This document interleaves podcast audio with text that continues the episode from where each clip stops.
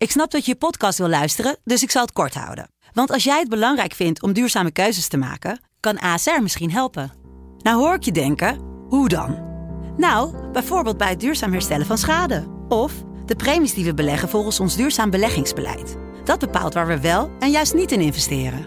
Wil je meer weten over welke duurzame keuzes ASR maakt? Ga dan naar asr.nl slash duurzame keuzes. ASR doet het. Zo, dan kan je nu lekker naar je podcast luisteren. Vechtersbazen wordt mede mogelijk gemaakt door Unibed. It's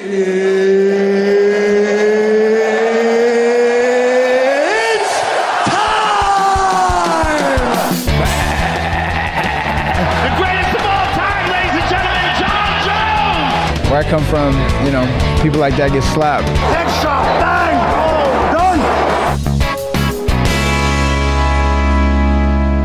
Man die het aangezicht van de zwaargewichtdivisie gaat bepalen gaat natuurlijk over Tom Espinol. Goedemorgen, het maandag 24 juli. En, eh, we gaan het uitgebreid hebben natuurlijk over Tom Espinol en over al die andere knallers die afgelopen zaterdag bij UFC Londen in actie kwamen. Dit is de vierde UFC op Eurosport Review Show. Eh, en zo zegt UFC Londen is het onderwerp wat op het menu staat vandaag. Eh, en bij mij natuurlijk, zoals vertrouwd op de maandag, de enige echte, de man, de myth, de legend, de hurricane. Gilbert Eiffel. Ehm, ja, wa- wat eh, vond jij van het evenement? Wij waren natuurlijk met z'n allen daarbij op de, op, de, op de front. Jij zat lekker gewoon thuis hier in Nederland. Absoluut. Voor de ja. televisie. Wat, hoe heb jij het beleefd? Ja, was eh, leuk. Gezellig. Eh, ik, eerlijk gezegd, eh, ik had het idee dat het niet heel erg druk was. Ik zag een paar lege stoelen, maar verder eh, heb ik me prima vermaakt. Ja, eh, het was, een, het was een kaart. Er zat eigenlijk alles op en aan. Wat hoogte- en wat dieptepunten. En wat, eh, wat drama, zoals altijd. Eh, en wel bij ons op de, front, op de vloer, moet ik zeggen. Natuurlijk dicht aan de octagon. Daar het uh, zicht belemmerend eh, van een heleboel andere mensen in het publiek. Hebben natuurlijk de enige echte man met de meeste UFC-partijen in de Nederlandse MMA-geschiedenis. Dan hebben we het natuurlijk over de skyscraper. Stefan Struve. Stefan, goedemorgen. Ben je al een beetje bijgekomen van de verkwikkelingen en de lange, lange reis? Want we hadden natuurlijk wat vertraging op de terugweg. Ja, ik ben er gewoon helemaal. En eh, ik kom thuis en het is lekker eh, zomervakantie voor de kids. Dus ik heb er niet één vandaag, maar twee. Gezellig. Dus, eh, ik vermaak me helemaal goed. Ja, double trouble, ja. Eh, en eh, wat, wat, wat, we zaten op, eh, wat was zo vervelend, hè? Want een lange week en veel interviews en dingen. En hartstikke leuk. En heb het evenement, er komt altijd de ontlading. En dan heb je zondag heb je altijd wat ik noem het 1 januari gevoel. Hè? Dan is de, de ziel en het lichaam is een beetje leeg. En dan wil je gewoon naar huis toe, nu gewoon klaar. En dan gingen we met z'n allen, dus met Stefan en Marloes. En met Chris en Neil en met, en met de gang en Sander. Naar, naar London City Airport. En daar kregen we opeens, ja, eh, vertraging is een uur, toen twee uur. En toen uiteindelijk bijna twee, tweeënhalf uur. Dus toen ik thuis kwam gisteren was het... eh, was laat, maar het mocht de pret niet drukken. Het was eh, een geweldige avond. Ehm, laten we door de partij heen lopen, mannen. Ik zou willen beginnen natuurlijk met de man van het uur. Tom Espinol, hij was een jaar eruit geweest vorig jaar. Exact op een dag na een jaar geleden. Natuurlijk het onfortuinlijke geval dat hij te- tegen Curtis Blades door zijn knie zakte. Jaar revalideren. En ehm, we merkten al de hele week tijdens Fight Week... Het was een andere Tom Espinol. De mentaliteit was veranderd. Waar hij eerst zei van ik wil kijken hoe ver ik kan komen, was hij nu determined. Hij was vastbesloten, ik ga kampioen worden. En ik heb nu een nieuwe mindset, ik ga ervoor. Ik ben beter dan ooit. Ik heb maandenlang of jarenlang op één been gevochten. Ik heb nu twee benen. En jullie gaan het zien zaterdag. En eh, ik kan niet anders zeggen dan dat hij niks daaraan heeft gelogen. Want eh, ja, hij heeft twee benen. Ja, hij gaf meteen gas. Be- Begon meteen met een hoge trap om te laten zien van mijn been is weer goed. En nou, eigenlijk een beetje jammer dat je snel klaar was. Ja, Ja, ik had eigenlijk wat meer willen zien. Ik vind het geweldig natuurlijk, hè, zo snel mogelijk, weet je. Het is natuurlijk geen eh, sexy time, want je moet gewoon meteen door. Maar ehm, ja, ik, eh, ja, ik had hem eigenlijk iets langer willen zien vechten. ja, ik vind het heel knap dat je ook in een conversatie hierover nog eh, steeds eh, sexy time eh, erin weet te brengen. Maar ehm, ben jij daarmee eens, Stefan? Had je hem graag ook wat langer willen zien? Eh, ik had het wel willen zien, maar ik wilde vooral heel graag een statement zien tegen Marcin Tibura. Want we weten hoe dat Tom Espinol heel erg goed is. Tot nu toe is hij echt gewoon door iedereen heen gelopen. En vorig jaar was een grote receptie. En eh, dan moet je een, een jaar wachten om hem weer in actie te zien. En dan gaat hij gewoon verder waarmee hij geëindigd was. Hij ook gewoon door Volkov heen gelopen. En dat doet eigenlijk niemand, hè. Nee. Gewoon, eh, het was gewoon kinderspel. Die Ja. submission. ehm, ja, het is gewoon echt fantastisch. Zo compleet. En ehm 120 kilo ook gewoon, hè? Ja, Gewoon hoe, hoe makkelijk hij beweegt. Ja, dat is echt zelden gezien. Ja, Ja, ik, wou- ik wou net vragen, hij is, hij is zwaarder geworden. Hij is wat zwaarder geworden. Ja. Hij was eh, op zijn zwaarste tot nu toe in zijn UFC-carrière. Dat hij op de weegschaal stond eh, afgelopen, eh, ik geloof ik, 260 pond, als ik het goed heb. dus, maar ja, inderdaad, wat jij zegt, Steven, hij beweegt als een, als een middengewicht, misschien zelfs als een, als een weltergewicht. Ehm, ehm, zo lichtvoetig en het voetenwerk zo goed. En ik vond het vooral mooi. Hij raakt Tibura met die, met die headkick in het begin, in de eerste paar seconden. En dan weet je, gaat Tibura die, die rush naar voren. En hij stond met zijn handen beneden, alsof hij in de Matrix stond. Hoe hij alles ont- ontweek. Het is ongelooflijk. En ik heb dat inderdaad, ik kan me niet herinneren dat ik bij een zwaargewicht dat eerder heb gezien. Ja, misschien Gaan heeft dat ook een beetje. Eh, ja. Nee, maar- Gaan heeft het wel, maar die, die heeft de rest niet. Nee, exact ja. Die heeft niet de, en de droge knockout power die Espinal heeft. En, en natuurlijk niet de grondvaardigheden die daar ook nog eens een keer bij komen kijken. Ehm, ja, geweldig. Ehm, ik, ik vind het wel mooi, want ik sprak de vader van Tom Espinal, Andy Espinal, de, de, de godfather van BJ in Engeland eigenlijk, sprak ik een paar dagen voor de wedstrijd. En die zei tegen mij, let op die rechter high kick. Want dan heeft hij in training heeft hij inderdaad twee mijnen ook uitgetrapt. Dus dat had ik ingefluisterd bij Sander Schik, de commentator. En die zegt dat in de uitzending. En het moment dat hij het zegt, gooit hij hem ook meteen. En ik, dacht, ik had zo'n bijna zo'n John Anik momentje met uh, Leon Edwards, zeg ik, Kamara Oesman. Ik, dat was de mooiste call van het jaar geworden als het inderdaad uh, tot de finish had geleid.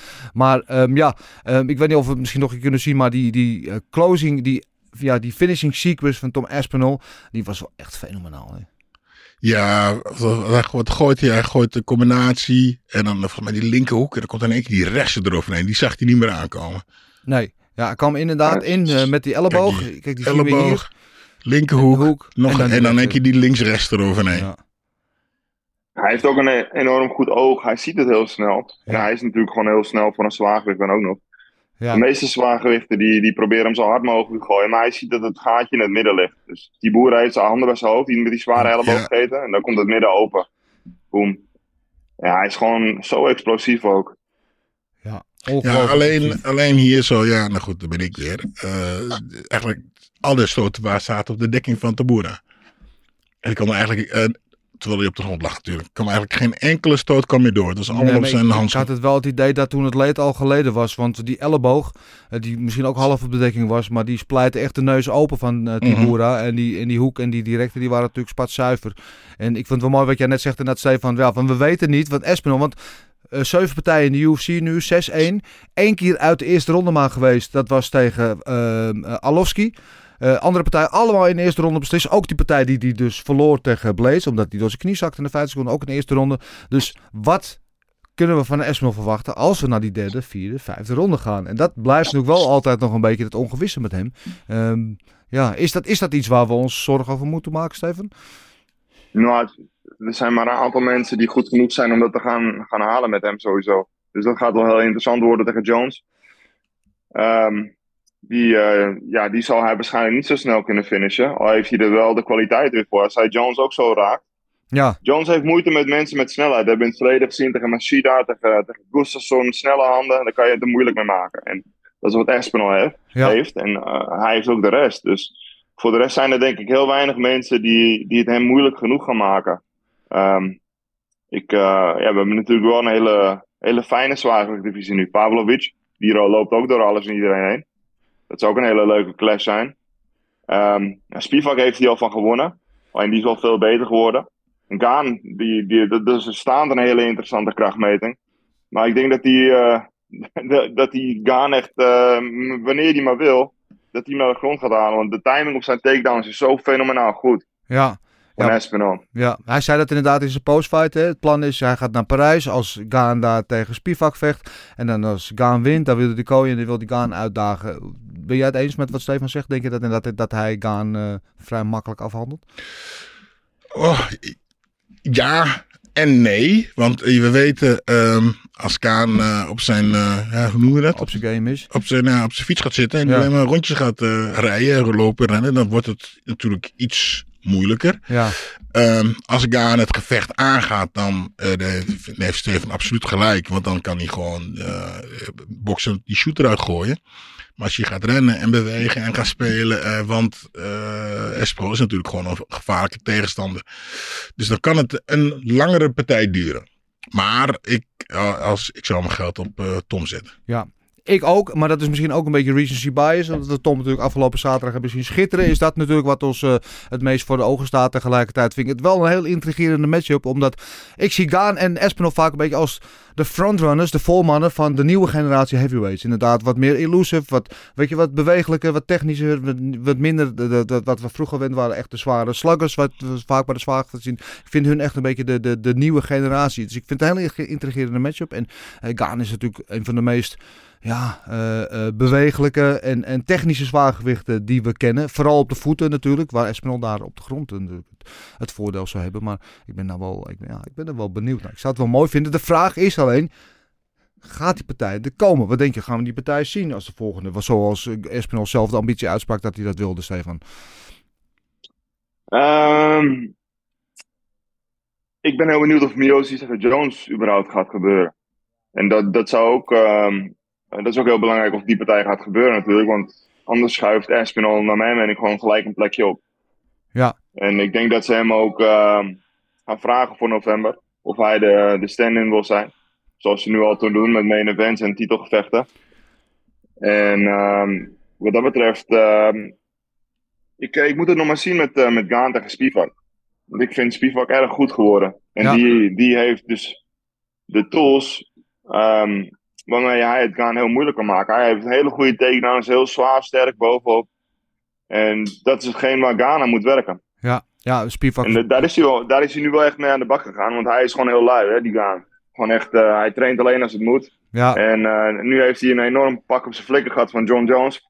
Hebben miljoenen mensen het gezien. En nu heb je zoiets van, oké ja, misschien moet ik toch maar een beetje gaan worstelen. Ja, eh, hij teert te veel op zijn talent. En Spivak is bepaald geen John Jones. Maar eh, ja, die kan wel de zwakke plek van Gaan namelijk Ja. blootleggen. Dat is het worstelen natuurlijk. Ehm, ik heb nog een andere suggestie. Die eh, door veel mensen misschien nog niet helemaal genoemd is. Dat is Tom Espinol tegen de nummer 1 contender eigenlijk nu in de zwaargewichtdivisie. Die ook aan de zijlijn staat te trappelen om in te stappen voor een titelgevecht. Dat is natuurlijk Sergej Pavlovic.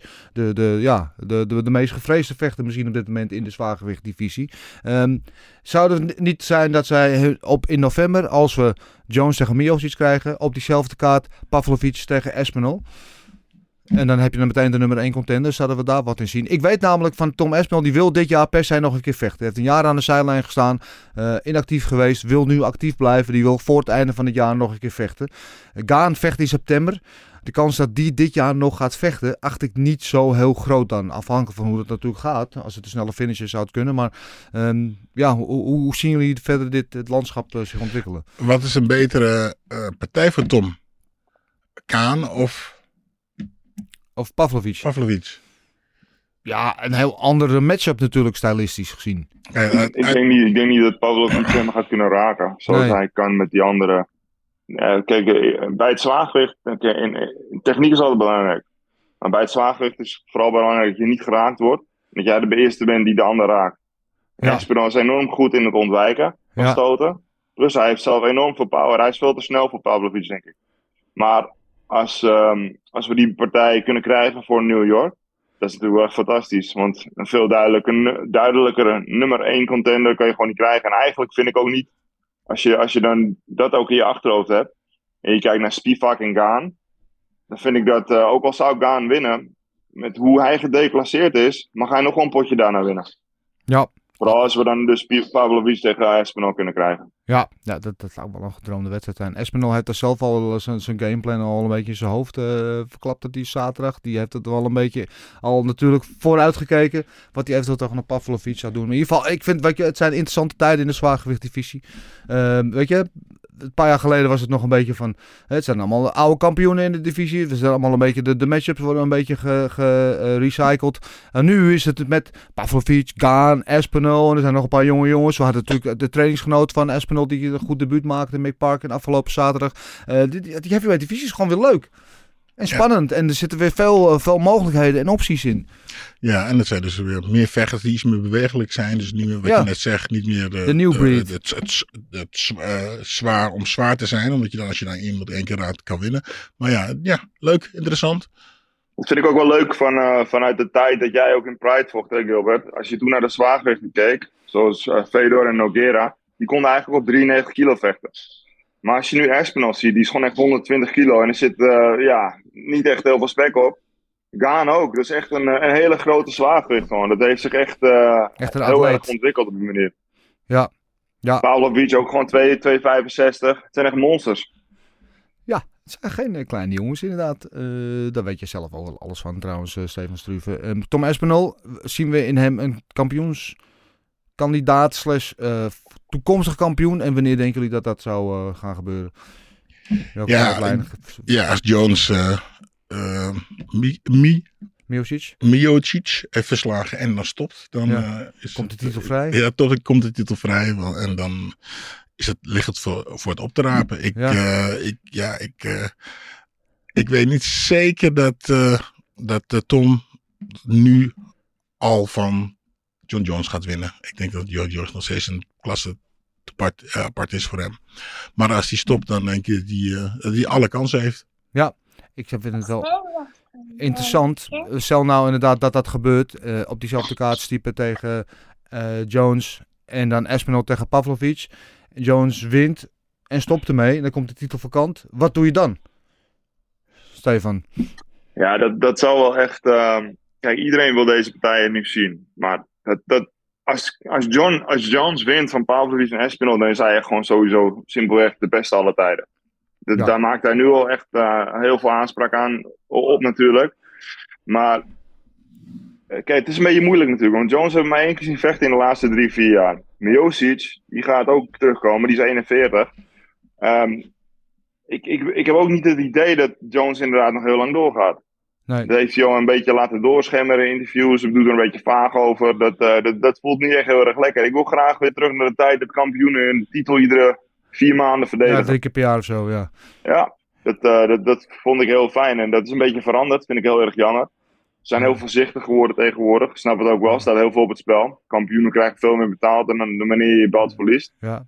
Nou, um, er zijn natuurlijk al kampioenen zoals Adesanya, Volkanovski, die wel actief ja. zijn. Hè? Die natuurlijk wel ja. uh, drie, vier keer ja, Maar dat stopt toch? Dat willen we allemaal. Ja. Dit, want het houdt, wel de, het houdt de divisie echt op. Weet je, wanneer zou... Uh, hoe, hoeveel keren zouden Miocic en Jones al tegen elkaar gevochten hebben nu? Ja, nou International Fight Week, het evenement twee weken geleden, was eigenlijk de bedoeling. En dat is in, intussen al drie keer uitgesteld inderdaad. Maar mijn ja. gevoel is ook dat Jones inderdaad um, alleen maar zit te wachten op legacy fights. En dat stiep wel voor hem. En dat is een Tom Espinol van Pavlovic niet. Die zijn alleen maar een risico. Dus daar wat dat betreft weinig voor hem te winnen, waarschijnlijk. Maar, ja, ik, denk ik, niet dat, uh, ik denk niet dat Pavlovic heel veel uitricht tegen Jones hoor. Maar Espinol zie ik echt als een bedreiging. Ja, ik ook. Goed, uh, dat gaan we allemaal zien. Ik wil het met jullie gaan hebben over de co-main event. En uh, misschien wel een van de grootste publiekslievelingen die er zaterdag in de uh, O2 Arena aanwezig waren. Althans, misschien nog een grotere die was aanwezig, maar die zat aan de kooi. Die vocht niet, dat was Paddy Pimblet. En die zat natuurlijk hartstochtelijk zijn vriendin, zijn maatje, Molly McCann, aan te moedigen. Die in actie kwam tegen Julia, de armsnatchers. Stoliarenko. Stoliarenko. Daar heeft, uh, ben gelukkig niet de eerste die zich daar heeft verslikt in die naam.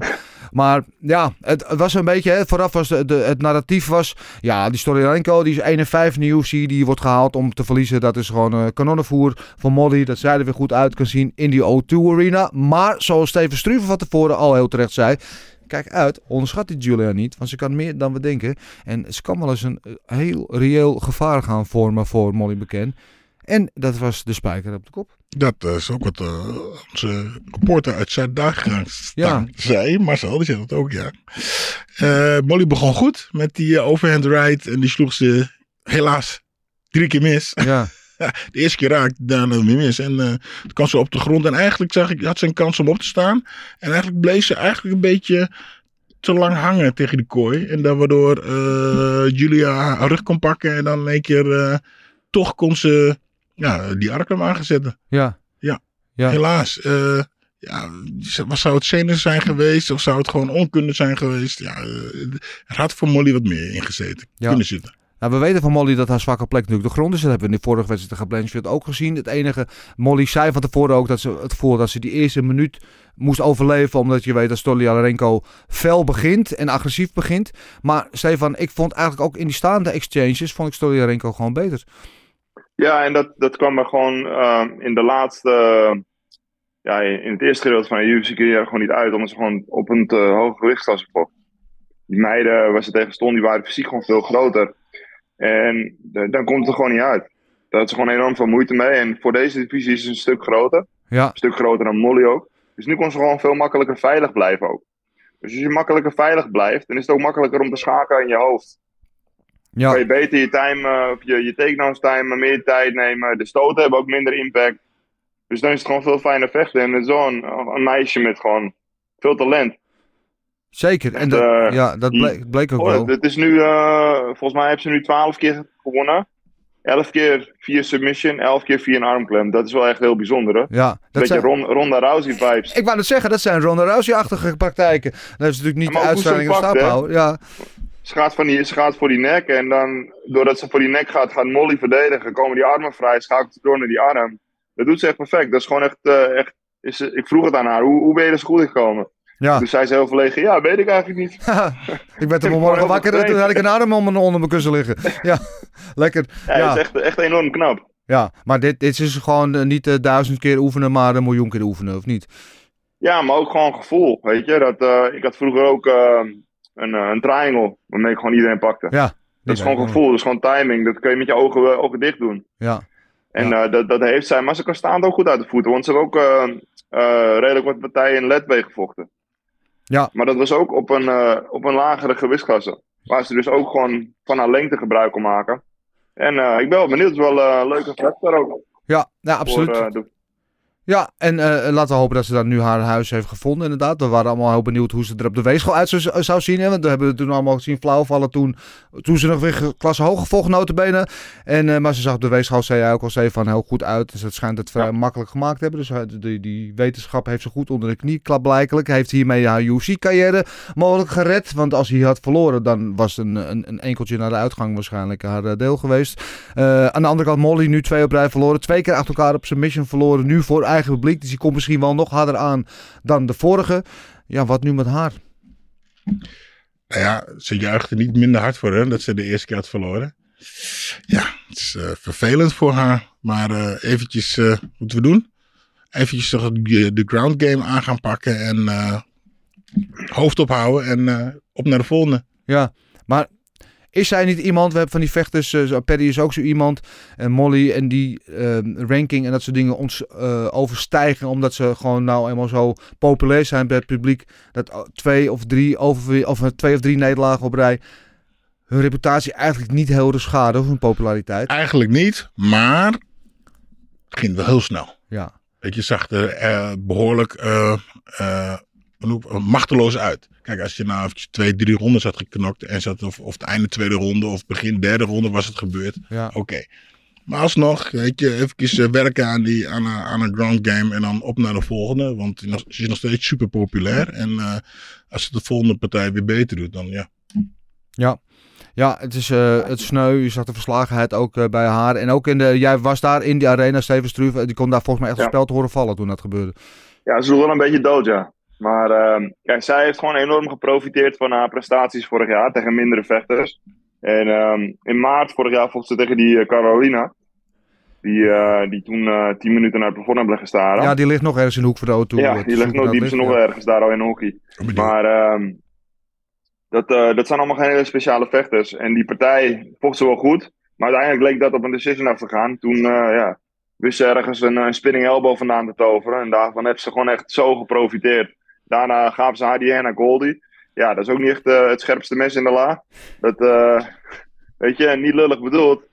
Kijk, eh, toen, ze, toen ze, ze maakte haar debuut in Liverpool. Toen vocht ze tegen Gillian Robertson. En toen was ze ook kansloos. Toen lag ze in de tweede ronde, werd ze ook bewusteloos gechoked. Zij heeft gewoon het talent niet op de grond. Dus het is een, superleuke persoonlijkheid.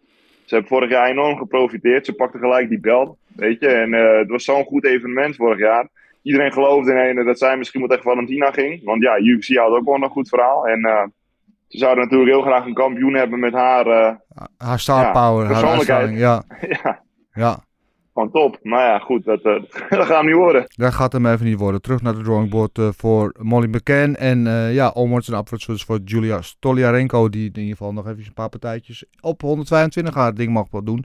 Ik ben heel benieuwd daar de toekomst voor haar. Eh, de partij die daarvoor zat was eentje die door mij persoonlijk vooraf een beetje was getipt als misschien wel een uh, Fight the Night contender. Dat was die tussen Nathaniel Wood, de local hero, en André Touchy-Feely in de featherweight divisie. En die partij stelde bepaald niet teleur, kan ik zeggen. Het, was, het werd geen Fight the Night uiteindelijk, maar het was wel een hele leuke wedstrijd, Gilbert. Ja, knokken.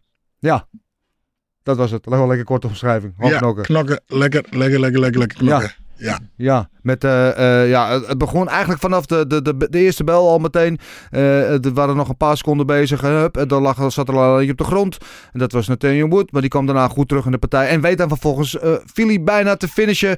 en in de tweede ronde gaat het weer andersom.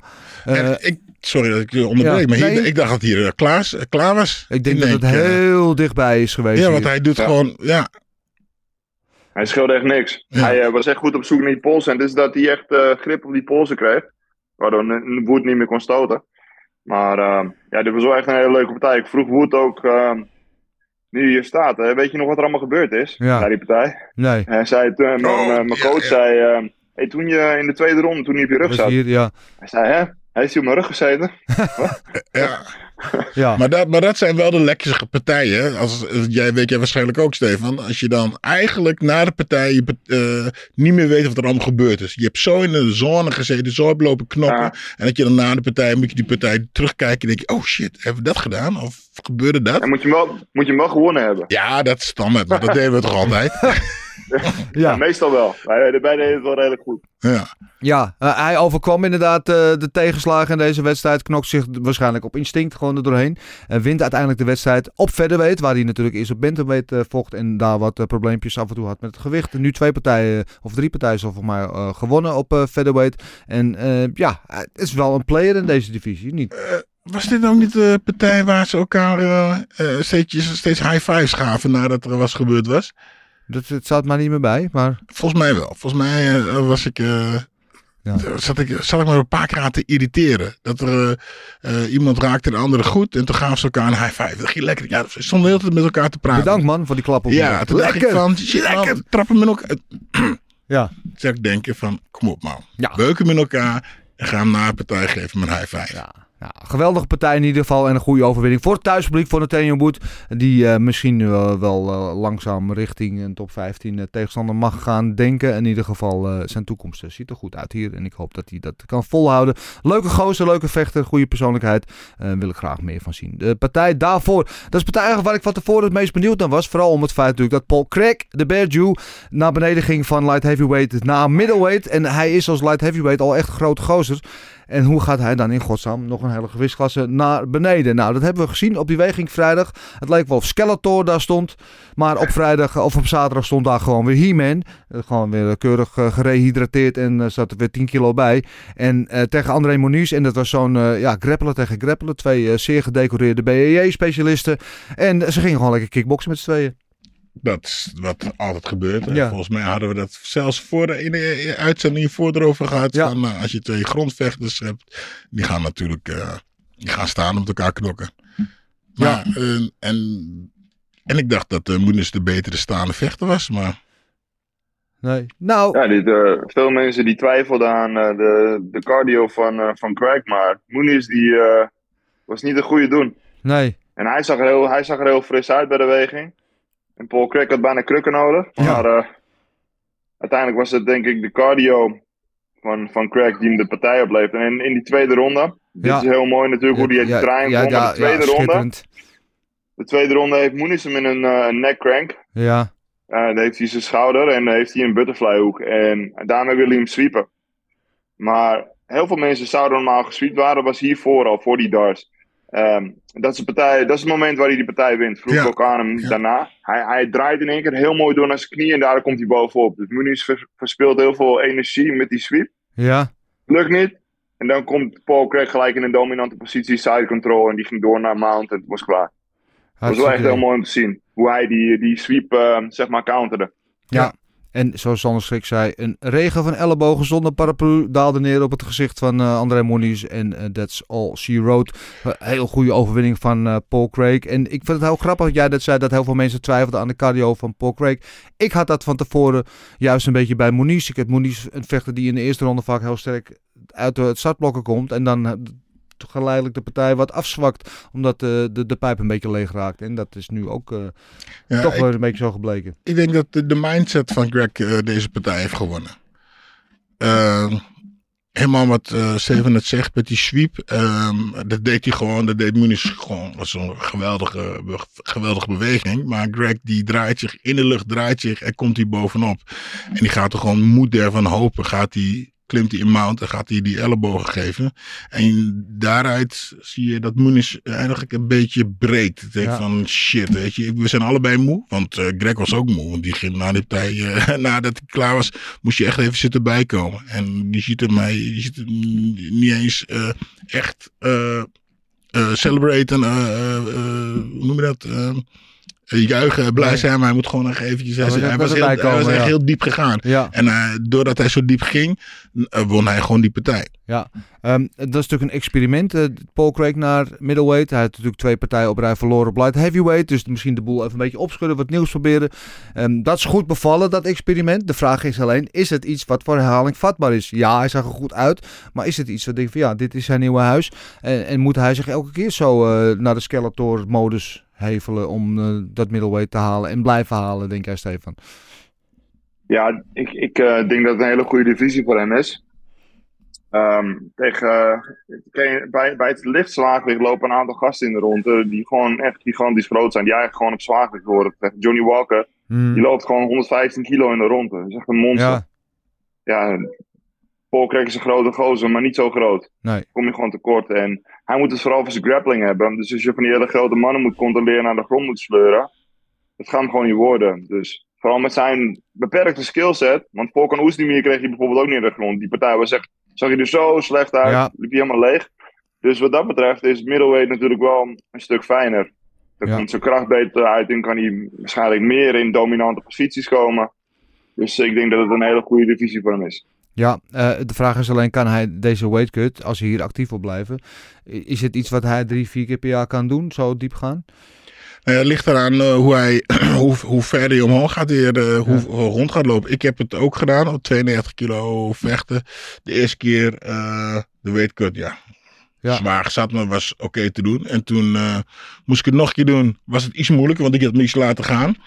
Uh, heb ik het gehaald. Het ging de partij niet door. Uh, partij gevochten, zou ik nog partij vechten. En dan ben ik een tijd lang uh, rond de 100 kilo geweest. Dus dan hoef ik maar 5 kilo af te vallen elke keer. Of 8 kilo af te vallen ja. elke keer. En dat is wel te doen. Ja. Maar als je te hoog omhoog gaat, dan wordt het jojo wordt, wordt heftig. Ja, want hij was vrijdagochtend bij de weging was hij dus 84 punt nog wat. Dus 186 pond. En s'avonds, of nee, vrijdagmiddag sprak ik hem bij de ceremonials. En toen liep hij alweer op 94 kilo. Ja, lekker. Dus dan was er alweer 10 kilo bij zo'n beetje. Dus ja, dus dat weer, zal echt wel weer uh, diep naar beneden moeten komen. Goed, we gaan het meemaken. Ik wil heel graag uh, eventjes kort, niet te veel woorden afvuil maken. Jai Herbert tegen Fares Siam. Uh, twee leuke, goede staande vechters. van tevoren ook altijd, nou, dit kan ook wel eens vuurwerk worden. Was wat tam. En dan zeg ik het heel eufemistisch, Stefan. Ja, de partij kwam niet echt los. Beetje hetzelfde verhaal als met Davy Grant en uh, zijn tegenstander, die, die waren gewoon heel erg aan elkaar gewaagd. Neutraliseerden elkaar de hele tijd.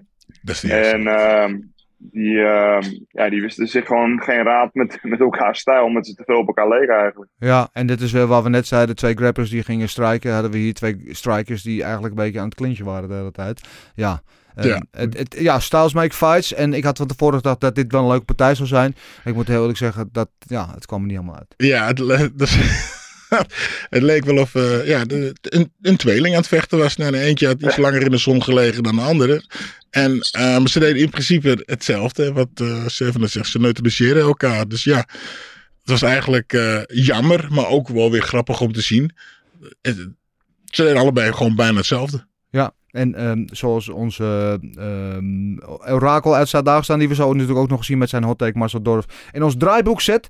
Uh, niet aan te bevelen om terug te kijken op een koude winteravond met een lekkere versnapering. Nou, Dat vind ik misschien ook weer wat hard uh, gezegd. Maar ja, ik snap wat je bedoelt. Het is niet, niet de partij inderdaad als ik beveel dat ik die, die, VS uit de kast trek en die bij het open haard uh, vuur nog een keertje ga terugkijken. Maar uh, ze hebben ervoor geknokt, maar het kwam er niet helemaal uit. Dat heb je wel eens. Ja, je, kent win them all. Ehm, goed, de partij die ik wel echt heel vet vond, die gepland stond als de opener van de maincard. Uiteindelijk de tweede partij van de maincard was, dat is de laatste waar ik met jou nog even over wil hebben. Stefan Lerone Murphy tegen Josh Koolibau. Jerome Lerone Murphy natuurlijk de ongeslagen Engelse prospect tegen de, ja, de zoals Stefan, of zoals Sander zou zeggen, de Australische uh, beuker uh, Josh Koolibau. Uh, Stefan, ik hoop dat je er nog bent. Dat was, ja, was een leuke partij toch, Gilbert? Ja, dat is ook sowieso. Het, het was mij het me opvallen. Is Koolibau een heel stuk afgevallen? als, je hem zo, want als je hem zo rond ziet lopen, lijkt het of er een, dat hij heeft gedaan dat er nog wat overmatig vel hangt. Als ik ja. hem zo zie. Ja, uh, het, was een, het was een partij waarin uh, Koolibau wel goed voor zich afbeet. En vooral zijn taaiheid uh, liet zien. Malone Murphy was gewoon wel drie ronden heel dominant. Stefan Struve, daar ben je weer gelukkig. Ik ben er weer. Ik weet niet wat er gebeurde. Mijn ja. batterij heb ik helemaal opgeladen expres. Ik denk anders dan gaat het weer fout. Maar ik heb geen idee wat er gebeurt. Ik ben er weer. De accu's zijn opgeladen. Laurent ja. Murphy tegen Josh Koolibau hadden we het over. Uh, Koolibau had tevoren uh, misschien niet helemaal op waarde gehad. Maar wisten wij al. Is wel een hele taaie, complete vechter. Maar had ja. eigenlijk niet zo heel veel in te brengen in deze wedstrijd. Nee, Murphy was, uh, was zeker de betere vechter. Uh, bij, bij Murphy heb ik het idee dat er wel meer in zit nog. Ja, dat, dat hij nooit helemaal los te weinig risico neemt. Ja, waar ligt dat um, aan, denk je? Ja, dat hij dan misschien toch uh, het idee heeft van ik ga deze partij toch wel winnen. En dan dat hij ja, de laatste versnelling net niet uh, durft in te zetten. Hij, hij was dichtbij, maar uh, ik vind het echt een goede vechter. Maar ja, nu komt hij op een punt waar hij die laatste versnelling wel echt moet gaan inschakelen. Want hij gaat waarschijnlijk iemand krijgen uit de top 15. Ja, ja hij gaat en, nu niveau omhoog. Dat, dan moet je wel echt, echt dieper gaan. Kijk, Koulibaly is een goede vechter, maar dat, uh, dat is wel een, um, mooi om te zien trouwens deze. Hoe, Oh. die, die trap is echt bijna mis. Hij, Ja. hij schampt hem echt met zijn teen op zijn plexus. Op zijn plexus, ja. Alleen, eh, het heeft niet heel veel impact. Maar het heeft ook te maken met in- en uitademen. Als je, net het moment dat je, dat je inademt, en je krijgt die trap, dan ga je gewoon echt zitten. Oh. Ik zag hem in eerste instantie niet. En ik zag, hij raakte hem half niet wel. Toen zag ik die Koelibouw neergaan. Ik denk, wat gebeurt nou? Pas in de herhaling kon ik eigenlijk zien wat daar gebeurde. Het is echt grappig wat eh, Stefan zegt, dat hij eh, net niet eh, ja, de trekker overhaalt. En dat zat ik, daar zat ik toevallig ook naar te kijken. Ik, ik was niet alleen aan het kijken, ik zei tegen diegene, ik zeg van, hij is goed, maar er komt niet uit wat, erin, wat, eh, wat er volgens mij in zit. Ja. Weet je, hij ziet er zo geweldig uit, maar dan moet je toch eventjes die extra, die, de extra pk's even aanzetten. Ja, ja, nou misschien moet hij het zijn overdrive nog vinden. Hij is in ieder geval ongeslagen nog steeds. En je ziet onmiskenbaar dat het talent erin zit. En zoals Steven al zegt, het- hij zal ongetwijfeld een niveautje omhoog gaan in tegenstand. En dan zal hij wel moeten. Want dan is het eh sink or swim, aanhaken of afhaken. En eh, ik heb het gevoel dat het er bij hem wel in zit dat hij wel kan gaan aanhaken. Maar hij zal dat zelf moeten gaan doen. Ehm, Stefan, ik wil jou bedanken. Ik wil jou eh, graag eh, vrijlaten voor de daddy duties die je daar moet doen. Succes daarmee. Eh, sterkte met de twee kleine donders eh, om je heen. Dankjewel. En eh, we zien elkaar eh, snel weer. En dan eh, ehm, gaan wij even verder kletsen met eh, Gilbert. En dan gaan we natuurlijk zo meteen de, onze derde man eh, aan- aan de band erbij halen. Natuurlijk helemaal uit Zuid-Dagestan met zijn hot take. En dan gaan we het daar ook eventjes hebben over wat uiteindelijk de eerste partij van de, van de maincard werd. Dat tussen Davy Grant en Daniel Marcus. Dat zou eigenlijk de feature prelim zijn. Maar omdat de feature prelims allemaal uitlopen, werd die partij uiteindelijk overgeheveld naar de maincard. En dan hadden zij zo de spotlight eh, als opener van de maincard. Eh gaan we het zo nog over hebben. Maar eerst wil ik schakelen met Zuid-Dagestan. Haal het glaasjes water en de zakdoekjes op het voorhoofd mee te deppen. Want hier komt hij. Big Marcel's Hot Take. Ja hoor, daar hebben we hem. Rechtstreeks uit Dagestan Zuid. Goedemorgen Marcel. Goedemorgen. Goedemorgen. Ehm, ik zou niet langer in spanning willen afwachten. En jou willen vragen om ons meteen te verblijden met jouw hot take van deze week. Ja, ehm, dat gaan heel veel mensen niet leuk vinden, maar ik ga het Oh wel zeggen. god. Nou, hou je vast jongen. Hou je vast, daar gaan we. En dan lacht, eindelijk lacht hij. Eh, Oude sadist. Ehm, ja, de UFC moet gewoon meer investeren in echt talent, vind ik, in plaats van mensen die niet de top gaan halen ongelooflijk hypen. Hij gaat over Molly hebben. Ja, kom maar. Euro, euro die Nou, over Molly gaat hebben. Naam en rugnummers. Uh, nou, luister, kijk, als je kijkt naar Tom Aspinall, dat vind ik een toptalent. Weet je, dat vind ik een absoluut toptalent. En die staat daar uh, in het main event. Dan verwacht je van dat hij Tibura eruit slaat of eruit subt in de eerste of tweede ronde. Dat doet hij ook en heel overtuigend. Ja, en dan heb je op de komende event heb je dan Molly McCann staan. En die wordt gewoon gesubt door een 1-5 vechter. En dat was niet de bedoeling van de UFC dat dat zou gebeuren. Want het was een beetje een showcase fight voor Molly, wilden ze ervan maken. Um, ik weet 100% zeker dat ze op de, uh, op de achtergrond dat Dana White aan Mick Maynard gevraagd heeft van uh, hey Mick, uh, heb je een tegenstander voor Molly? we gaan even kijken. Ja, ik heb hier iemand die, die gaat van bantamweight naar flyweight en die is 1-5. En wie is dat? Die en die. Die is, nog uitgegaan op de schaal om een bantamweight te maken. Oh ja, laten we dat maar doen. Dat, dat lijkt me wel goed. Dat lijkt me wel een goede tegenstander voor Molly om daarvan te winnen. Ja, en dat heeft totaal verkeerd uitgepakt. Ze heeft ook geen bonus gehad, dat is Toljarenko. Het zag alles, eigenlijk, hoe de UFC, dat ze er totaal niet blij mee waren dat ze vanaf van Molly won. Um, nee, maar kijk, je hebt, je hebt een Aspinall, je hebt een Ron Murphy, wat een, goed, wat, een, wat een goed talent is in Engeland, die staat op de kaart. Daniel Wood is een goed talent. Uh, Mohamed Mokayev is een goed talent, weet je. Bouw daarom, weet je. En, en en dat ook wat continu wordt gezegd, dat Molly zo ongelooflijk... Ik heb niks tegen haar persoonlijk, hè? totaal niet. Hè? Maar dat ze zo ongelooflijk populair is. Ik praat ook met genoeg Engelsen die zeggen van... Ja, ze is vooral populair bij de, bij de mensen uit Liverpool, bij de Scousers, weet je. Maar bij ons interesseert ons geen weet je. En de UFC moet gewoon zorgen dat ze de beste vechters promoten. En niet van de vechters gaan promoten omdat ze een bepaalde hype hebben. Of die hype die zij gecreëerd hebben. Weet je? Dus en bij ons bedoel je, bij jullie daar in Zuid-Dagestan? Nou, ik bedoel gewoon het algemeen. En, en maar, bedoel ik vooral in Europa. En nou is de grote vraag. Ja, vertel. Volg je Molly om Insta? Ja. Oké, okay, dat is mijn vraag. Okay. Ja, ik, ik hoor wat je zegt. Echt, ten eerste gaat het weer een beetje. Neem een slokje water. Kom een beetje tot bedaren. Want je, ik ben rustig. Het, zit, het zit je hoog, ik merk het. Maar ik, ik hoor wat je zegt. En tegelijkertijd moet ik wel zeggen, van alle vechters die zaterdag opkwamen, kreeg Molly kreeg verreweg de luidste receptie daar in de O2 Arena. En ik weet niet of het dat dan al inderdaad uh, 15.000 scousers waren. Want voor zoveel mensen zaten er ongeveer. Uh, maar ik heb wel daar de hele week het gevoel dat zij, zij, zij is enorm populair. En niet alleen bij vechtfans, maar gewoon ook bij mainstream fans. Dat heeft heel veel te maken met haar persoonlijkheid, meer met haar vechtskills. En ik ben met je eens, het moet altijd op een vechtskill zijn. Maar vechten is tegelijkertijd ook entertainment. Je wil kaarten verkopen, je wil dat mensen naar kijken. En dat heeft met meer te maken dan met alleen vechten. Is misschien niet altijd terecht, is misschien niet altijd eerlijk. Maar ik begrijp ergens wel. Kijk, uh, het liever hadden ze natuurlijk grotere namen. Als Paddy uh, fit was geweest, had Paddy main event gevochten. Ook geen hoogvlieger misschien, uh, volgens de meesten.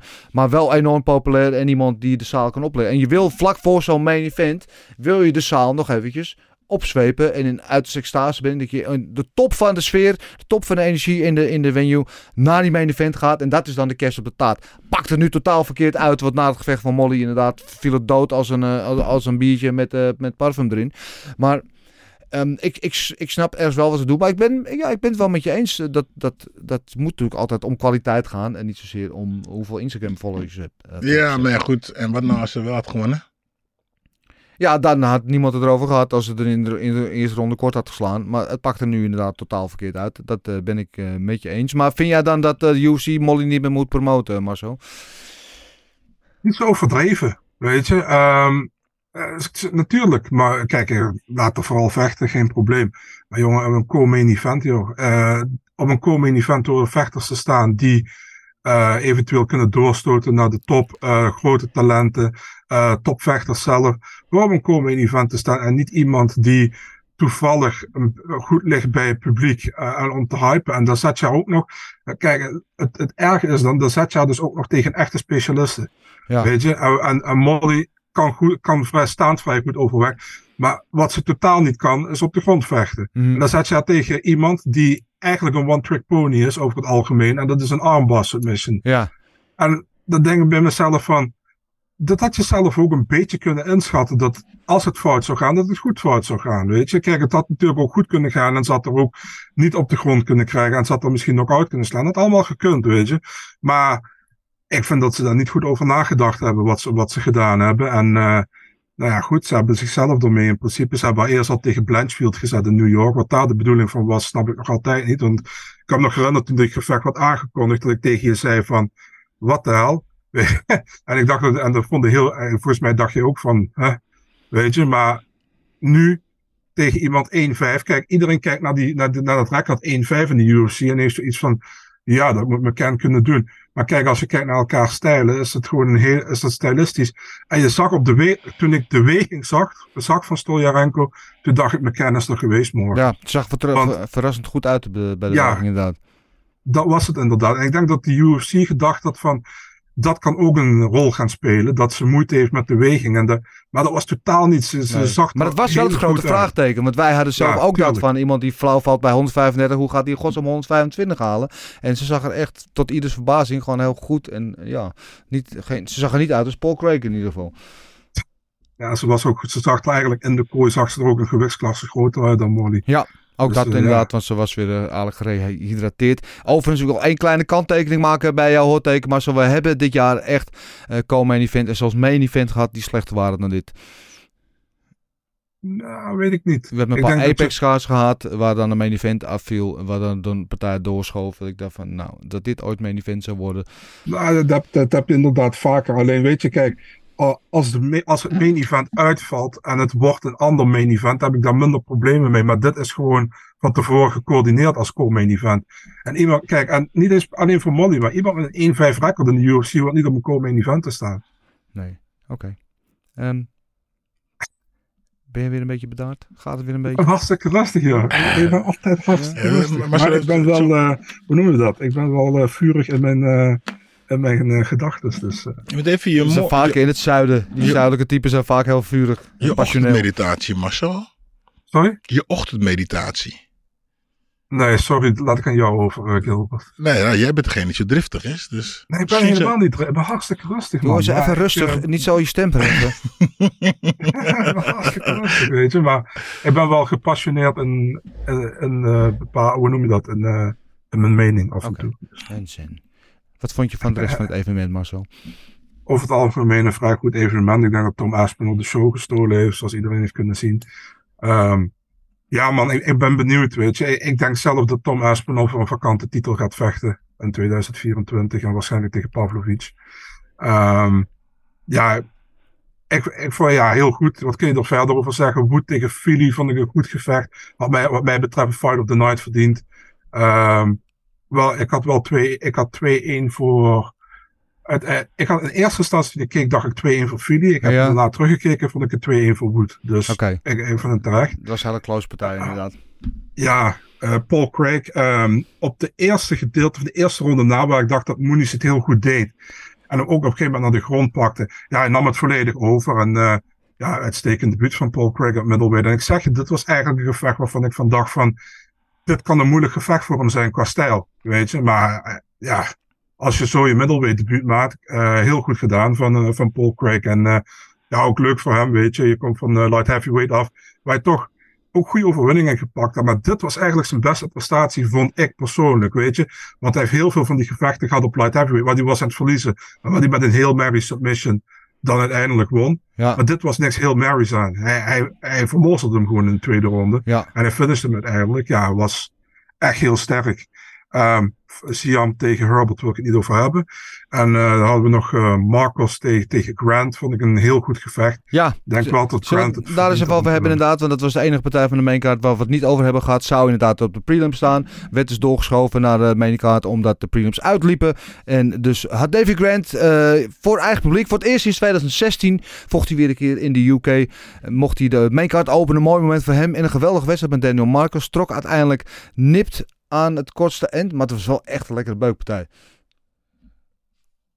Dat absoluut. Alleen, wat zo met de Herman?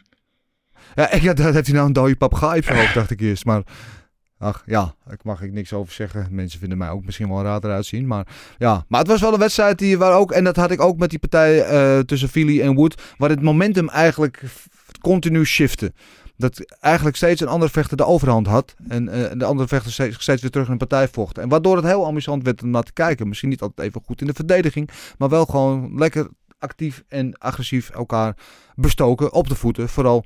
En ik vond het een hele leuke wedstrijd. Ehm, had jij, wat had jij bij deze uitslag, eh, Marcel, dat je ook dacht van Marcus is de terechte winnaar?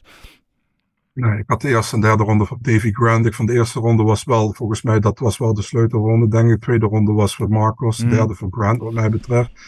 Ik had hem eigenlijk wel voor Grant, maar het was close. Dus ik, ik wil er niet heel moeilijk over doen. Ik had ook heel veel mensen gezien die 30, 27 voor Grant hadden. Dus eh, niet echt de, de, de juiste beslissing, denk ik. En het grappige is dat je meestal bij, bij dit soort evenementen, Engeland, Brazilië, Australië, dat als het close is, dat het regelmatig naar de thuisvechter gaat. Maar dat was hier dus niet, dus niet het geval. Ja, Marcos blijft ongeslagen. Ja, weet je, dat is een goede win voor hem eh, tegen Davy Grant. Davy Grant is, maakt het met iedereen competitief altijd. Super taai. Volgens mij iets van vijf bonussen de laatste zes, zes partijen of zo. En eh, had misschien hier, dit dat ook wel weer eentje kunnen zijn. Maar er waren er genoeg andere ook goede, goede gevechten. Nee, eh, kijk, ik had Grant, maar ik heb geen probleem mee dat Marcos won. Ik vond het een goed gevecht. En Ja. eh, le- leuk voor hun ook dat ze, eh, omdat ze tijdgebruik hadden, de prelims, dat er naar de main card werd gezet. En eh, ze hebben het goed gedaan, die, die open of de main card. Dus ja, leuk. Ja. Wat ik mooi vond, Davy Grant. We gingen dus op de terugweg na het evenement terug naar het hotel. Dan ga je met de metro, de tube, zoals ze in eh, Engeland zeggen. En zoals de meeste vechters staan allemaal dure auto's. En uh, wat ik zien, we denken het zijn allemaal supersterren. Davy Grant gewoon in de metro. Met zijn UC-rugtasje. Een blikje bier in zijn hand. Met zijn maten eromheen. Grote pluis op zijn neus. Van zijn neus stond achterstevoren op zijn gezicht. Helemaal in elkaar geëlleboogd in die tweede ronde Marcos. Gewoon lekker doodnormaal. Man of the people, Davy Grant. Kijk, daar hou ik van. Gewoon lekker gewoon normale gozer. Dat is mooi. Heerlijk, ja. Ja, geweldig. Eh, leuke partij ook inderdaad. En ehm, dus in onze uitzending afgelopen zaterdag, want we waren natuurlijk bij Eurosport de hele avond live op, eh, op de tv. eh, gratis voor iedereen te zien. Heb je het nog niet gezien, is het op Discovery Plus nog terug te kijken. Vooral doen. Maar omdat het dus allemaal uitliep, we zouden dus eerst in het eerste uur in de, onze preview show hebben we altijd een feature prelim. Dat was dus eigenlijk Davy Grant tegen Daniel Marcus. Maar omdat het dus uitliep, zaten we nu opeens met ehm, eh, Danny Roberts tegen Johnny Parsons. En dat was niet heel vervelend dat we daarmee de uitzending eh, begonnen als eerste live gevecht. Want mijn god, wat een partij was dat zeg. Wat een slagpartij Marcel. Ja, dat, eh, dat was een leuk gevecht, was dat. Alleen, eh, ja, Danny Roberts, man. ehm Ja, hij gaat mee ja. in die slagenwisseling met Johnny Parsons en dat was niet slim. Nee, Johnny Parsons bijna de sluggernut. Ehm eh, daar, daar doet hij het om. Weet je, dat, dat wil hij. Daar wil hij in komen in zo'n partij. ja. En Danny Roberts ging met hem in zo'n partij vechten. En eh, ja, hij trok ook aan het kortste eind. Weet je, Ehm, dat alles wat je tegen Johnny Parsons niet moet doen, dat deed Danny Roberts eigenlijk. En ja, niet slim, wel leuk. Weet je, en eh, ja, goede eerste overwinning in de UFC voor Johnny Parsons, die al volgens mij al twee jaar in de UFC eigenlijk zit, maar omdat hij eh, meerdere keren problemen fysiek heeft gehad, ehm, is hij niet, heeft hij nog niet zijn debuut gemaakt. Ja, kijk, als je dan een debuut maakt, Kan je en vervolgens even, ja, vervolgens even na afloop eh, een call-out doet en eh, ook iemand zijn haren afkraakt, als hij zelf zo'n haar vind ik al apart, maar goed, het was wel leuk. Ja, ja, geweldige wedstrijd. En eh, ja, leuk. Uh, the Night. Dus nou, dan bij zijn eerste partij ook meteen eh, 50 G's in de pocket. Eh, ik heb ervan genoten. was een mooie partij. Willen we nog cijfers geven, jongens, aan het evenement? Ja, dan moet ik toch een 6,5 geven. 6,5? Ja, Sonny. Ik zeg ja. eh, ehm, Zijn we terug bij Gierige Gilbert? nee, absoluut niet. maar ehm, ja, het, het kwam voor mij niet echt op gang. Oké. Dat mag. Iedereen mag een mening hebben. Eh Marcel? Een 7. Een 7? Ja. Toch net iets hoger nog dan Gierige Gilbert? Zit hier helemaal niet ver weg, hè? Goed, ik wil een 8 geven. En, ehm en zo niet alle partijen kwamen uit, uit de verf. Maar eh, de O2 is altijd speciaal. En er waren wel echt een paar beukers bij. Maar vooral wat mij als een paal boven water staat. De geboorte van een superster. En een toekomstige kampioen in de, partij, in de persoon van Tom Aspinall. Die gewoon de show heeft gestolen. Zich, we waren al heel erg onder de indruk van hem. In wat hij tot nu toe had laten zien in de UFC. Maar hij heeft er nu echt een heel dik vet uitroepteken achter gezet. En hij is echt gewoon de nieuwe eh superster van die zwaargewichtdivisie, ben ik van overtuigd. En eh, daarom is het voor mij een 8. En dat, dit, Ja. We zullen nog op een gegeven moment terugkijken van weet je nog toen, 22 juli 2023, Tom Aspinall, hoe die afrekenen met Tibura. Kijk, wij waren erbij. Daarbij niet. Misschien is daarom dat wij ook misschien niet zo enthousiast dat waren. kunnen. Dat we niet bij Dat waren. Sorry jongens, sorry. Oké, Maar dan hebben we nog één dingetje. En Ja. Daar zat ik met Marcel over te appen. Had eh, Tom Espinal nou een beetje in tijdens de partij, ja of nee? Want volgens mij toen hij begon, viel het mij op dat hij zo zat te lachen en het een hele mooie witte tanden had. En toen zat hij op de grond voordat de partij begon. En ik, denk, hè? En ik heb, eh, ik heb eh, verder opgelet, maar hij het trekt ook geen bitje uit zijn mond. Volgens mij eh, vocht hij die partij zonder bitje. Of had hij zijn beetje gewoon ingehouden. Dat kan ook, maar volgens mij niet. Oké, eh, gaan we uitzoeken. Ik ga het gewoon eens even vragen straks. En als iemand denkt dat het antwoord weet, eh, laat het ons dan vooral weten. Ehm, ik ben heel benieuwd. Het is mij niet opgevallen. Ik heb ik ook niet opgelet. Eerlijk gezegd, ik weet wel, ik zat tijdens het moment, we zaten in de regiewagen eh, onze, onze talenten te produceren.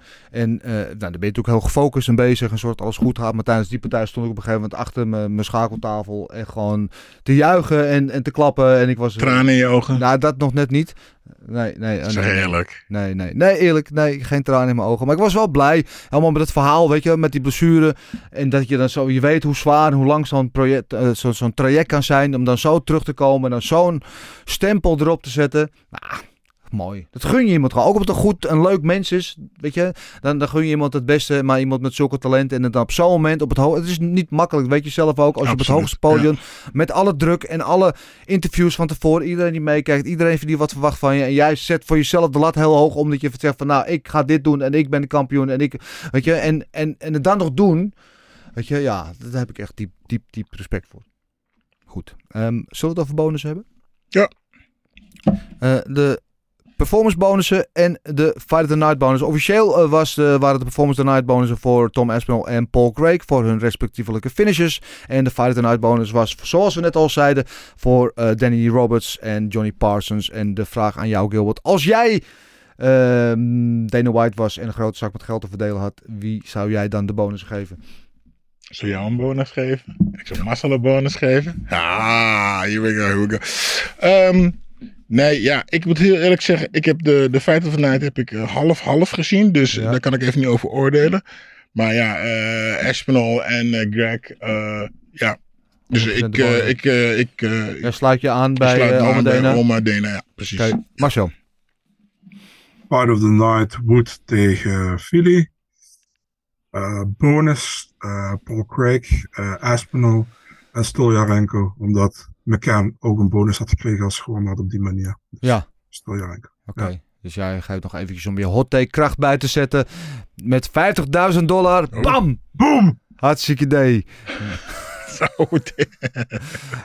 Even, rustig, hè, Marcel. Even kalm. weer. Gewoon even. Zie die aderen helemaal weer op je voorhoofd eh, aanspannen. Ehm, ja, ik, ik kan er eigenlijk ook niet zo heel veel veranderen. Espinol, ja, hoe kan je daar geen bonus aan geven?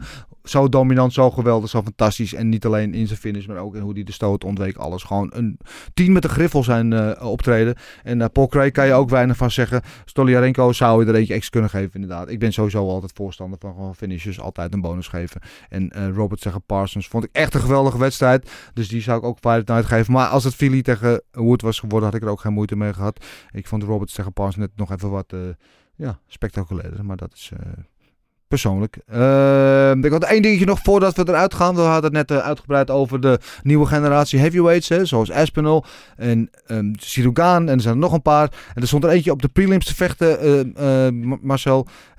Mick Parkins, de, de sparringpartner ook van Tom Aspinall. Die zijn debuut maakte in de UFC. en dat zeer verdienstelijk deed. Maakte een hele goede indruk. Klopt. Maar ja, het was een debuut. Dus kijk, goed debuut. 100%. Ah, moet ik nog meer van zien voordat ik daar iets echt ja. over kan zeggen. Sowieso ook omdat hij tegen Jamal Pokes vecht. Die op 266 pond inwoog. Terwijl die drie partijen geleden nog een light heavyweight vocht. Ja. Um, Fish and chips. Ja, ja duidelijk. Dit is uh, volgens mij een lotgenoot van mij of zo. Maar uh, nee, maar dat, ik, ik, ik, weet niet wat ik daarvan nog, nog moet vinden. Ik vond hem in ieder geval een goed debuut maken. Weet ja. je, kijk. Goed, kan technisch. Ook, uh, ja, zeker. Maar ik moet hem tegen betere vechters zien dan okay. tegen Jamal Pokes. Jamal Pokes heeft me nog niet kunnen bekoren in de UFC. Al uh, had hij zijn debuut gewonnen van Parisian vorige keer. Maar dat was uh, ook niet van het. Ehm, nee, ik wil Parkin wel dan tegen betere zien. Maar kijk, je, je, je kan een slechtere trainingspartner hebben dan Tom Aspinall, denk ik.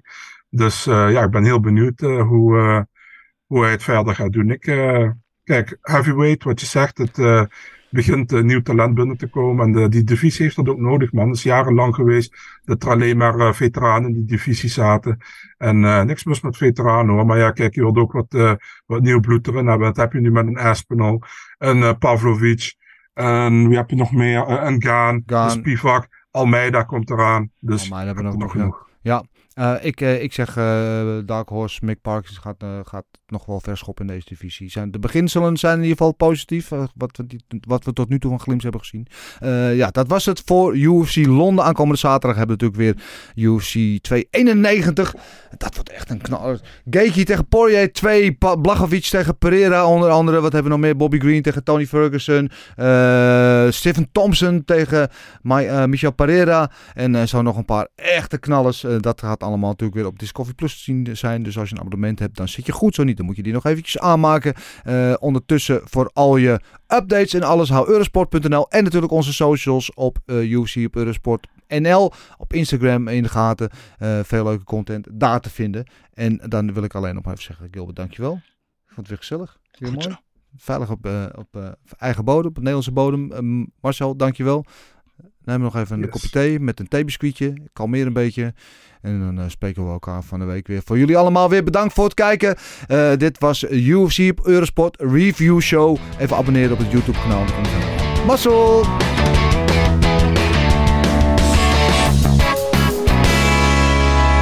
I love you! See you soon, boy!